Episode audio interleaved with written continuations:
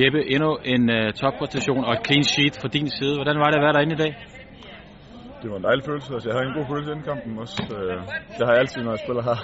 Altså, det fungerer, og ja, vi spiller også, synes jeg også i bagkæden, som om vi spiller sammen hver til hverdag, så det var imponerende alle mange.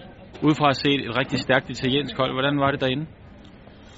Jo, men altså, man kan også se, at det er gode spillere, nogen der spiller på højst niveau, men vi har også gode spillere, og vi viser, at vi spiller op mod et uh, hold, som til daglig spiller CA uh, næsten hele, alle sammen, så det var en fed matching og en god test for os frem mod EM til sommer.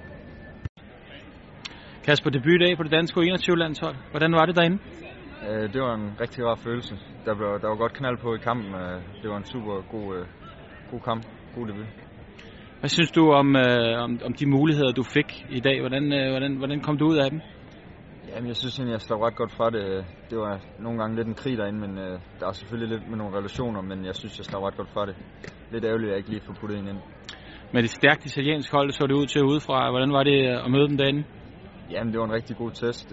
Jeg synes egentlig, vi matcher dem på næsten alle parametre. Det er kun lige til sidst, vi bliver lidt presset. Så det var en rigtig god test for os.